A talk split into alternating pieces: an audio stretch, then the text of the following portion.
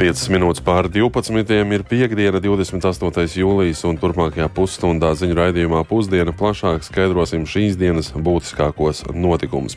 Studijā Uģis Lībijams, esiet sveicināti! Jau vakar pēcpusdienā un līdz pat nakts sākumam Rīgas centrā notika, nu jāsaka, īsā laika posmā jau otrā plašā policijas operācija cenšoties notvert izbēgušu noziedznieku. Vīrietis, kurš vakar sarkandaugā izbēga no policijas automašīnas, gan joprojām nav atrasts. Aizbēgušo sauc Mārtiņš Cesmanis, viņš bija aizturēts par laupīšanu. Kur noziegums tika pastrādāts un ko viņš bija mēģinājis nolaupīt, policija nevarot komentēt.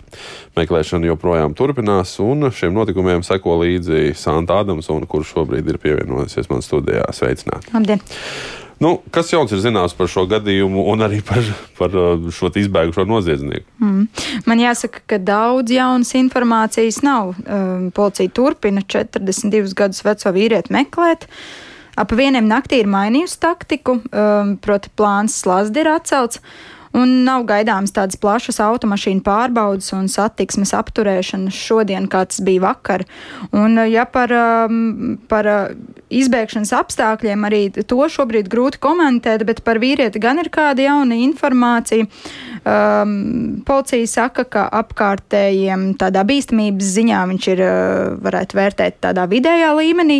Iepriekš bijis tiesāts par narkotisko vielu nelikumīgu apriti un arī saistībā ar mantisku raksturu noziegumiem.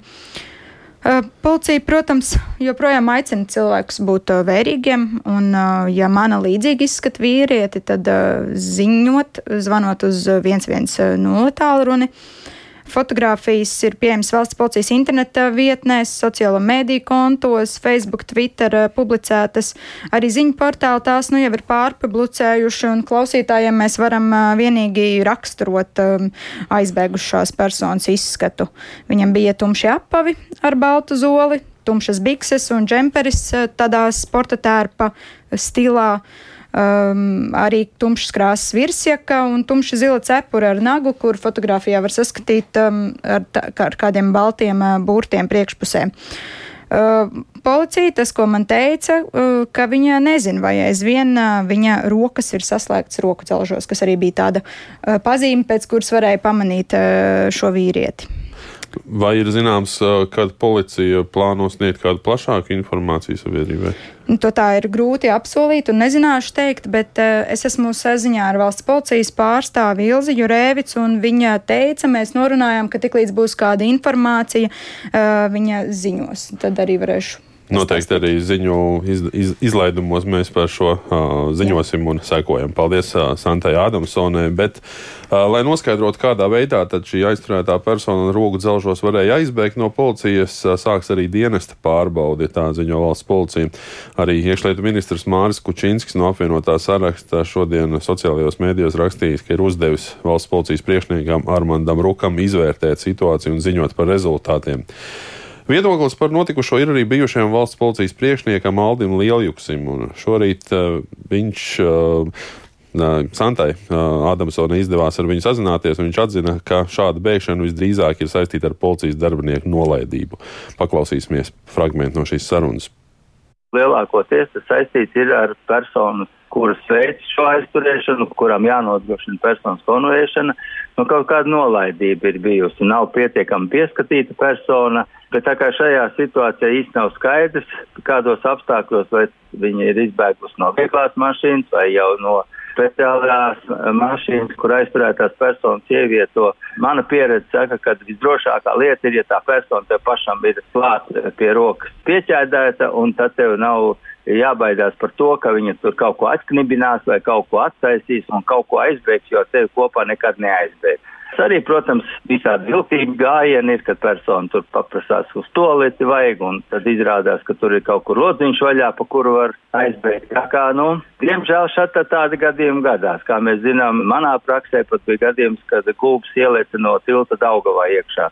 Viņš aizturēts, saprot, par laupīšanu ir un, un iepriekš uh, sodīts, tā kā viņam tā, acīm redzot, tā kriminālā pieredze ir lielāka. Nu, viņš izmantos, protams, savus sakarus, savas iespējas slēpties, bet viņam jau vispirms no tiem rokas jātiek vaļā. Tas ir kas tāds, kas, ja ir uzlikts uz rokām, ir uz mūžu, vai tur var diezgan vienkārši ar kāda drauga palīdzību atsvabināties nu, no viņiem? Ziniet, es tagad tā kā par radio negribētu mācīt, kā to var izdarīt, bet ir tie atvēršanas mehānismi, ir no pieredzes, var teikt, ir bijuši salīdzinoši vienkārši. No noziedzīgās pasaules eh, pievērsīsimies ekonomikai, un Latvijas ekonomikā te jau visās nozarēs ir vērojams attīstības palielinājums. Un ar iespējīgiem peļņas rādītājiem var izcelties gandrīz vai tikai banku sektors. Kāpēc šāda situācija izveidojusies? Par iemesliem interesējās Zānēniņa, kas arī man līdzās studijās veicināti. Labdien! Ko var pastāstīt? Nu, aina mums kļūs skaidrāk jau pavisam drīz, jo gaidāms, ka Centrālā statistikas pārvalde šodien paziņos šī gada otrā ceturkšņa Latvijas iekšzemes koproduktu ātrā novērtējuma datus, kas, kā zināms, vēlāk var tikt precizēti. Svetbanka galvenā ekonomiste Līva Zorgenfreja aģentūrai Leti jau iepriekš prognozējusi, ka IKP varētu būt saglabājies tādā pašā līmenī kā pagājušā gada otrajā ceturksnī, un ka ekonomika visticamāk būs sabremzējusies. Viņa paudus, ka otrajā ceturksnī salīdzinājumā ar pirmo IKP kritums varētu būt par pusprocentu bet eh, pret pagājušā gada otro ceturksni ekonomikā kopumā saražotā apmērs varētu būt saglabājies gandrīz nemainīgs. Pēc Līvas Zorganfrejas paustā visticamāk samazinājums būs gan preču eksportā, arī ar eksportu saistītajā apstrādes rūpniecībā, kā arī transporta nozarē, jo ostās un dzelzceļā pārvadātie kravu apmēri turpināja samazināties bet eh, gaisa transportā pasažieru pieaugums gan ir, bet mazāk straušs nekā iepriekš. Mazumtirdzniecība visticamāk uzrādīs kritumu, bet pakalpojumu nozars, piemēram, izmitināšana, ēdināšana, māksla un izklaide, varētu uh, būt ar nelielu kāpumu. Un tam kā viens no iemesliem varētu būt gan tas, ka šajā laika posmā sākās turisma sezona, gan arī tas, ka pie mums tomēr notika liels notikums, kas piesaistīja ļoti daudz ārzemnieku pasaules hokeja čempionāts. Savukārt maksājumu karšu dati vedinot domāt, ka kopējais patēriņš varētu būt turējies apmēram pagājušā gada līmenī vai nedaudz pat samazinājies, taču esot cerības, ka kaut kur eh, izaugsme tomēr ir, investīcijās un būvniecībā varētu būt turpinājies gada sākumā redzētais pieaugums. Ekonomikas sabremzēšanās un inflācijas mazināšana gan ir tieši tas, ko Eiropas centrālā banka cenšas panākt ar vien ceļot procentu likmes. Un tas arī izdodas. Jūnijā gada inflācija Eirozonā bija 5,5% salīdzinājumā ar 6,1% maijā. Kā jau ziņots, vakar likmes tika paceltas kārtēju reizi par 0,25% punktiem. Tās stāsies spēkā augusta sākumā, bet jau septembra vidū paredzēta nākamā Eiropas centrālās bankas padomas sēde, un jau tagad izskan prognozes, ka ar to, ko vakar paaugstināja, nekas nebeigsies. Kaut gan likmju līmenis jau tuvojas sen nebijušiem augstumiem. Un par to, kā tas ietekmē mūsu bankas un kredītņēmēju spēju atdot aizņēmumus, izsakās eh, SEB bankas finanšu tirgus pārvaldes vadītājs Andris Lāriņš. Protams, ka šāds procentu likuma paaugstinājums bremzē pieprasījumu pēc kredītiem un komplektā ar inflāciju nu, samazina pieejamo naudas apjomu iedzīvotājiem tēriņiem. Un līdz ar to diezgan grūti pateikt, kā tas spēlēs šodien, bet uh, pagaidām situācija mēs skatāmies tiksim, ar uh, maksātspēju un disciplīnu kredītu tirgu diezgan laba. Pateicoties uh, procentu likmju kāpumam un par spīti ekonomikas palēninājumam te vai visās nozarēs, Nu, kā jau sākumā minēju, ļoti laba situācija ir eh, kredītiestādēs. Šogad pirmajos sešos mēnešos bankas strādājušas ar gandrīz 336 miljonu eiro peļņu, un tas ir 2,6 reizes vairāk nekā tādā pašā laika posmā pagājušajā gadā. Um, tu nepieminēji bezdarbu, un tas arī tāds būtisks ekonomiskās aktivitātes rādītājs. Uh, pie mums tas arī ir sasniedzis vēsturiski zemāko līmeni - 5,6%. Kāda tam ir loma ekonomikas attīstībā? Tas ir labi vai slikti? Nu, ja bezdarba līmenis ir ļoti augsts, tas ir slikti, bet arī ļoti zems bezdarba līmenis ekonomikā tomēr eh, tiek uzlūkots kā negatīvs rādītājs, jo tas nozīmē, ka trūks darba roku, un par to jau arī ļoti daudzas nozares sūdzas, gan ražojošās, gan pakalpojumu sfēra un ļoti daudzas citas. Ļoti zems bezdarba līmenis nozīmē to, ka darba devējiem īsti nav izvēles, ehm, jāņem tie darbinieki, kas piesakās, un tas nevienmēr nozīmē augstu kvalifikāciju vai dižus talantus. Ja darbinieku trūks, tad tie, tie, kas ir, var justies drošāk izvirzīt prasības par augstāku atalgojumu, kas savukārt var samazināt uzņēmumu rentabilitāti. Un līdz ar to ļoti zems bezdarba līmenis kopumā draud eh, ar samazinātu produktivitāti un var arī veicināt inflāciju. Paldies par skaidrojumu Zanēniņai, kura mums stāstīja kāpēc Latvijā ir sabremzējusies ekonomika. Bet uh, Eiropas centrālās bankas asā rīcība pret inflācijas kāpumu vēršoties ar Eiriboru likmi strauju celšanu rāda uh, rezultātu. Piemēram, jauno mājokļu tirgus Latvijā ir pilnībā apstājies. Tā pauž nekustamā īpašuma pārdevēja. Bankas gan runā pretī, ka kustība tirgū nav mirusi un kredītņēmēju interese rezultājas ir ar īstiem aizņēmumiem. Taču kredītņēmēji nu dodas ne tikai uz bankām, bet arī pie patērētāju tiesību sargiem.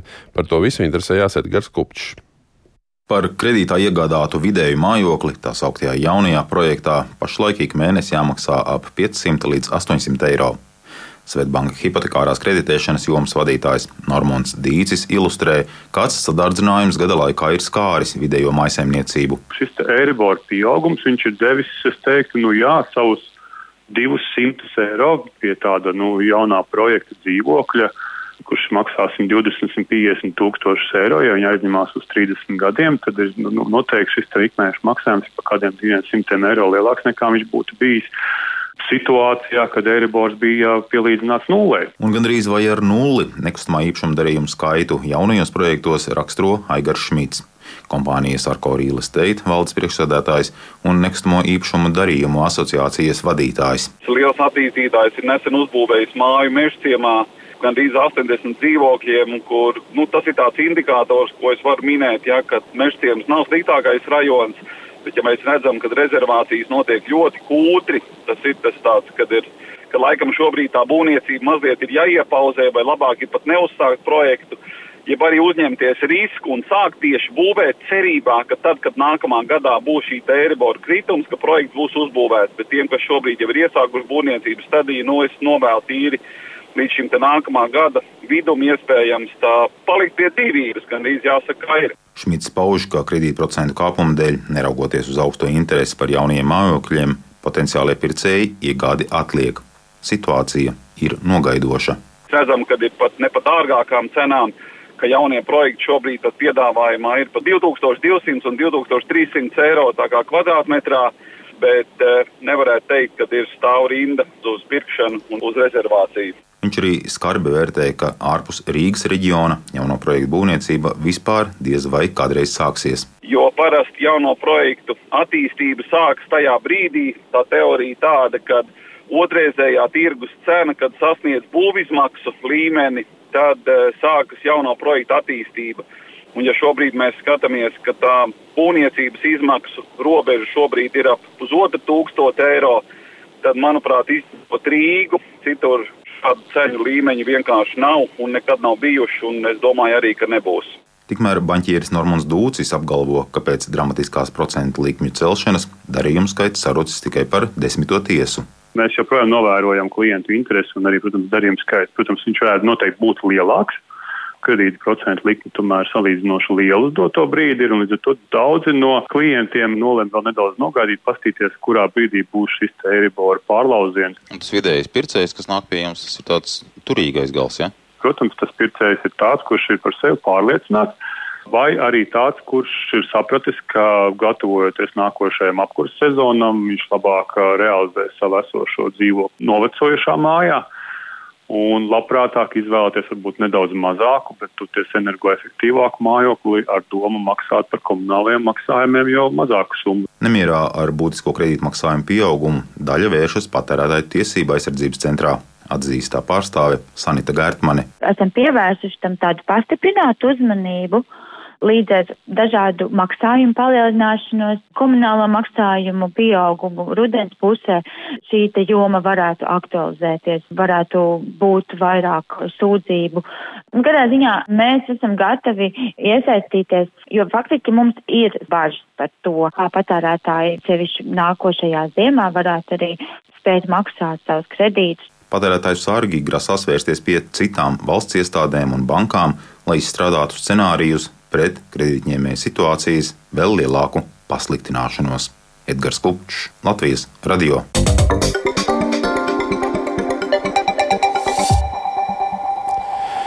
Paredzams, ka Amerikas Savienoto Valstu tanki Abrams kaujas laukā Ukrainā parādīsies šī gada septembrī. Par to vēsta izdevums Politico atsaucoties uz saviem avotiem.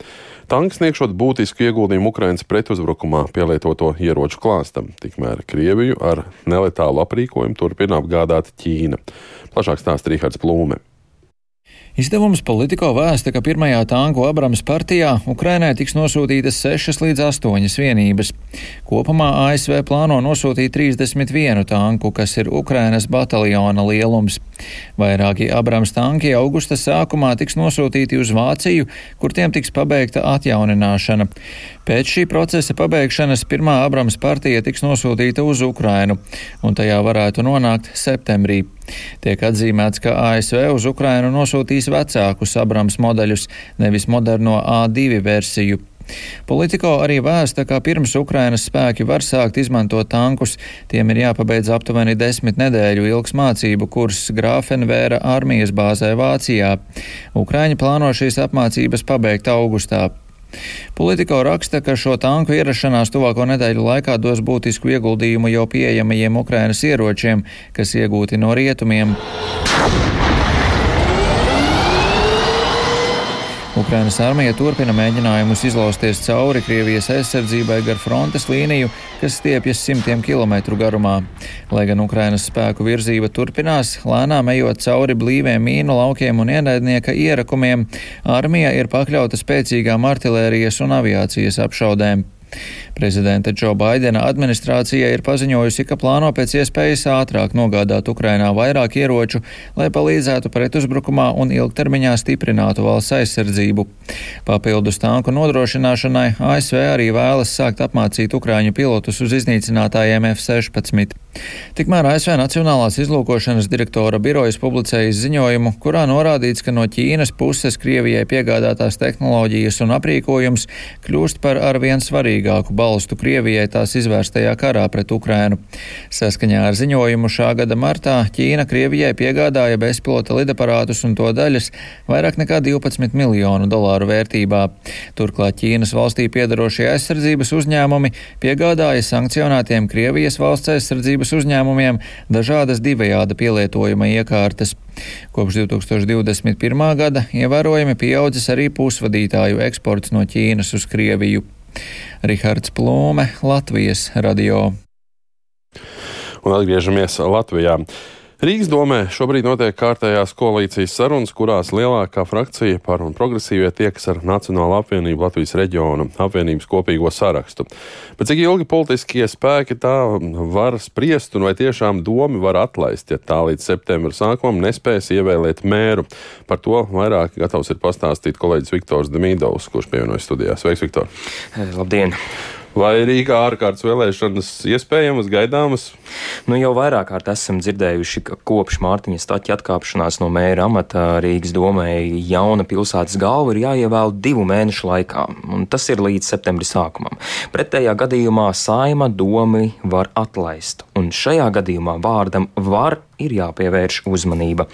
Ir jāskatās vairāki apstākļi, un kā norāda vidas aizsardzības un reģionālās attīstības ministrijā, tad pats būtiskākais apstākļis vai doma ir rīcības spējīga. Tas nozīmē, vai spēja pieņemt lēmumus, izpildīt paredzētos darbus un tā tālāk. Un, mm, ja paraugāmies uz domas darbiem, tad pašvaldība pašlaik pienākumus pilda. Komiteju un domas sēdes notiek arī bez mēra. Un sēdes, eh, sēdēs skata tātad projektus, eh, pārunā dažādas jautājumus un tā tālāk.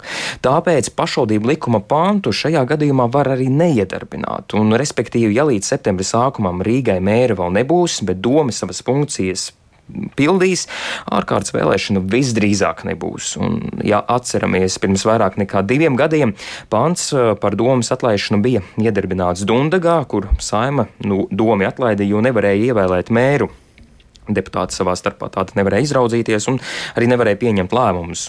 Tātad tā nebija rīcības spējīga. Bet atgriežoties pie Rīgas domas, sanāka koalīcijas sarunas, kas jau ir ievilkušās vairāk nekā trīs nedēļas rit un, un sāk jau iespējams arī apnikt kādam. Tās var turpināties arī ilgāk par diviem mēnešiem, un par to vairāk lūdzu paklausīsimies vidas aizsardzības un reģionālās attīstības ministrijas valsts sekretāra vietniece Ilzi Ošu. Es negribētu, protams, minēt, ka tas var turpināties līdz nākamajām vēlēšanām. Es gribēju pateikt tieši otrādi, ka šie divi mēneši nav tas izšķirošais brīdis, nu, pēc kuram iestājoties automātiski iestājās sekas par domas atlaišanu. Tā tas nav. Tomēr likums paredz, ka domas darba organizācija notiek ar domas priekšsēdētāju tā skaitā, un tas nozīmē, ka šim nu, lēmumam par to, ka priekšsēdētājs tiek ievēlēts, tam ir jābūt. Jautājums, vai tie ir divi mēneši vai trīs mēneši, nu, tas nebūtu tik izšķirīgi. Tātad dzirdējām atbildīgās ministrijas valsts sekretāra vietnieci Ilzi Ošu. Arī saimnes juridiskajā birojā norāda, ka svarīgi ir skatīties, vai doma bez mēra spēja pieņemt lēmumus, un šajā gadījumā mēra pienākumus ir jāpilda vietniekam Rīgā. Tas ir nokārtots pagaidām vismaz. Jā, paldies, Viktor. Un vēl tikai piebildīšu, ka pirms kāda brīža ir arī kļuvis zināms, bijušais Rīgas mērs Mārtiņš Staķis ir atzinis, ka visi viņa kā Rīgas mēra komandējumi ir atzīti par pamatotiem un likumīgiem. Un tagad esot atzīts oficiāli pārbaudi, kas ir veikušas attiecīgās Rīgas domas iestādes. Vēlreiz paldies Viktoram Demīdovam. Bet nedēļas ar pilsētas vadību ir novērojams ne tikai Rīgā. Tā piemēram, Reizeknes pilsētas budžetā šogad pietrūks 3,9 9 miljonu eiro, un pašvaldība ir sākusi optimizēt budžeta izdevumus. Šajā situācijā Reizeknas domas opozīcijas deputāti ir nosūtījuši vēstuli finanšu ministram un vidas aizsardzības reģionālās attīstības ministram ar aicinājumu detalizēti izvērtēt pilsētas finanšu situāciju, bet uz izmeklēšanas laiku atstādināt domas priekšsēdētāju Aleksandru Bartaševiču no kopā Latvijai. Un šajā brīdī esam sazinājušies ar mūsu Latgales studijas kolēģi Renātu Lazdiņu. Sveicināti, Renāti! Sveiki, sveiki! Vai tu vari pastāstīt, kā viet, lietas virzās uz priekšu Reizeknē? Nu, tātad, jā, kā jau tu minēji, Reizeknas pilsēta ir nonākusi lielās naudas grūtībās. Līdz gada beigām trūkst nepilni 4 miljoni eiro, lai sektu visus izdevumus, un tostarp arī darbinieku algas. Un šobrīd pašvaldībā ir nu, sākts veikt uh, optimizēšanas uh, variantu izskatīšanu, tostarp arī darbinieku skaita samazināšanu, uh, jo Finanšu ministrija uh, ir pieprasījusi līdz 7. augustam sagatavot rīcības plānu. Un šajā pašā starpā Reizeknas domas opozīcijā esošie deputāti prasa nu, ātrāku šo detalizēto izvērtējumu no atbildīgajām ministrijām un, un, un atstādināt uz šo laiku arī mm, domas priekšsēdētāju Aleksandru, Aleksandru Bartaševiču, kas ievēlēts no saskaņas un šobrīd pārstāv jaunu izveidoto kopā Latvijai partiju. Vakar vakarā pēc domas sēdes pirmo reizi finanšu stāvokli Reizeknē uh, komentēja arī pats Aleksandrs Bartaševičs, pirms tam viņš nekomentēja.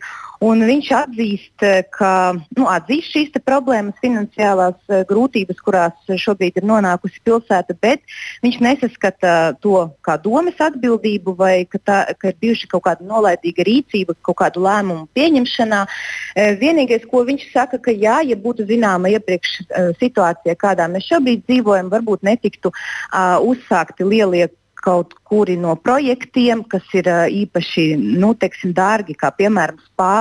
Uh, jeb rekreācijas centra būvniecība Rēzeknē, kas šobrīd uh, tiek lēsta izmaksā aptuveni 12 miljonus eiro.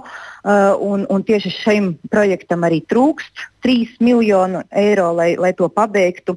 Bartaševičs uzskata, ka, ka atteikties no šī projekta nevar, tāpēc ka tas sadārdzinās situāciju vēl vairāk jo būs jāatgriež nauda Eiropai. Bet eh, jāpasaka tas, ka eh, šobrīd pašvaldība eh, ir sasniegusi savus ilgtermiņa saistību limitus, tie ir 20%, kas pieļaujami ar likumu, un mm. tāpēc arī nav iespējams paņemt papildus kredītus kaut kādu citu saistību sekšanai. Ja. Paldies šajā brīdī, saku mūsu Latvijas studijas kolēģei Renātai Lazdiņai, un noteikti situācijai Reizeknē mēs arī turpināsim sekot. Um, tik tālu um, šīs dienas um, raidījums pusdiena ir pietuvojies izskaņai. Producents ir Kārlis Dagilis un ieraksts montē Renāša Šteimanis, bet par labskaņu rūpējās Mārtiņš Paiglis. Ar jums sarunājās Uģis Lībietis vēlreiz īsumā par svarīgāko. Rīgā joprojām meklē izbēgušo noziedznieku daudz jautājumu par to, kāds varēja notikt. Ekonomisti brīdina par izaugsmes sabremzēšanos, bet Rīgas domē joprojām nav skaidrības par nākamo mēru un Reizeknē nedienas arī pašreizējiem Mēram Bartaševičam.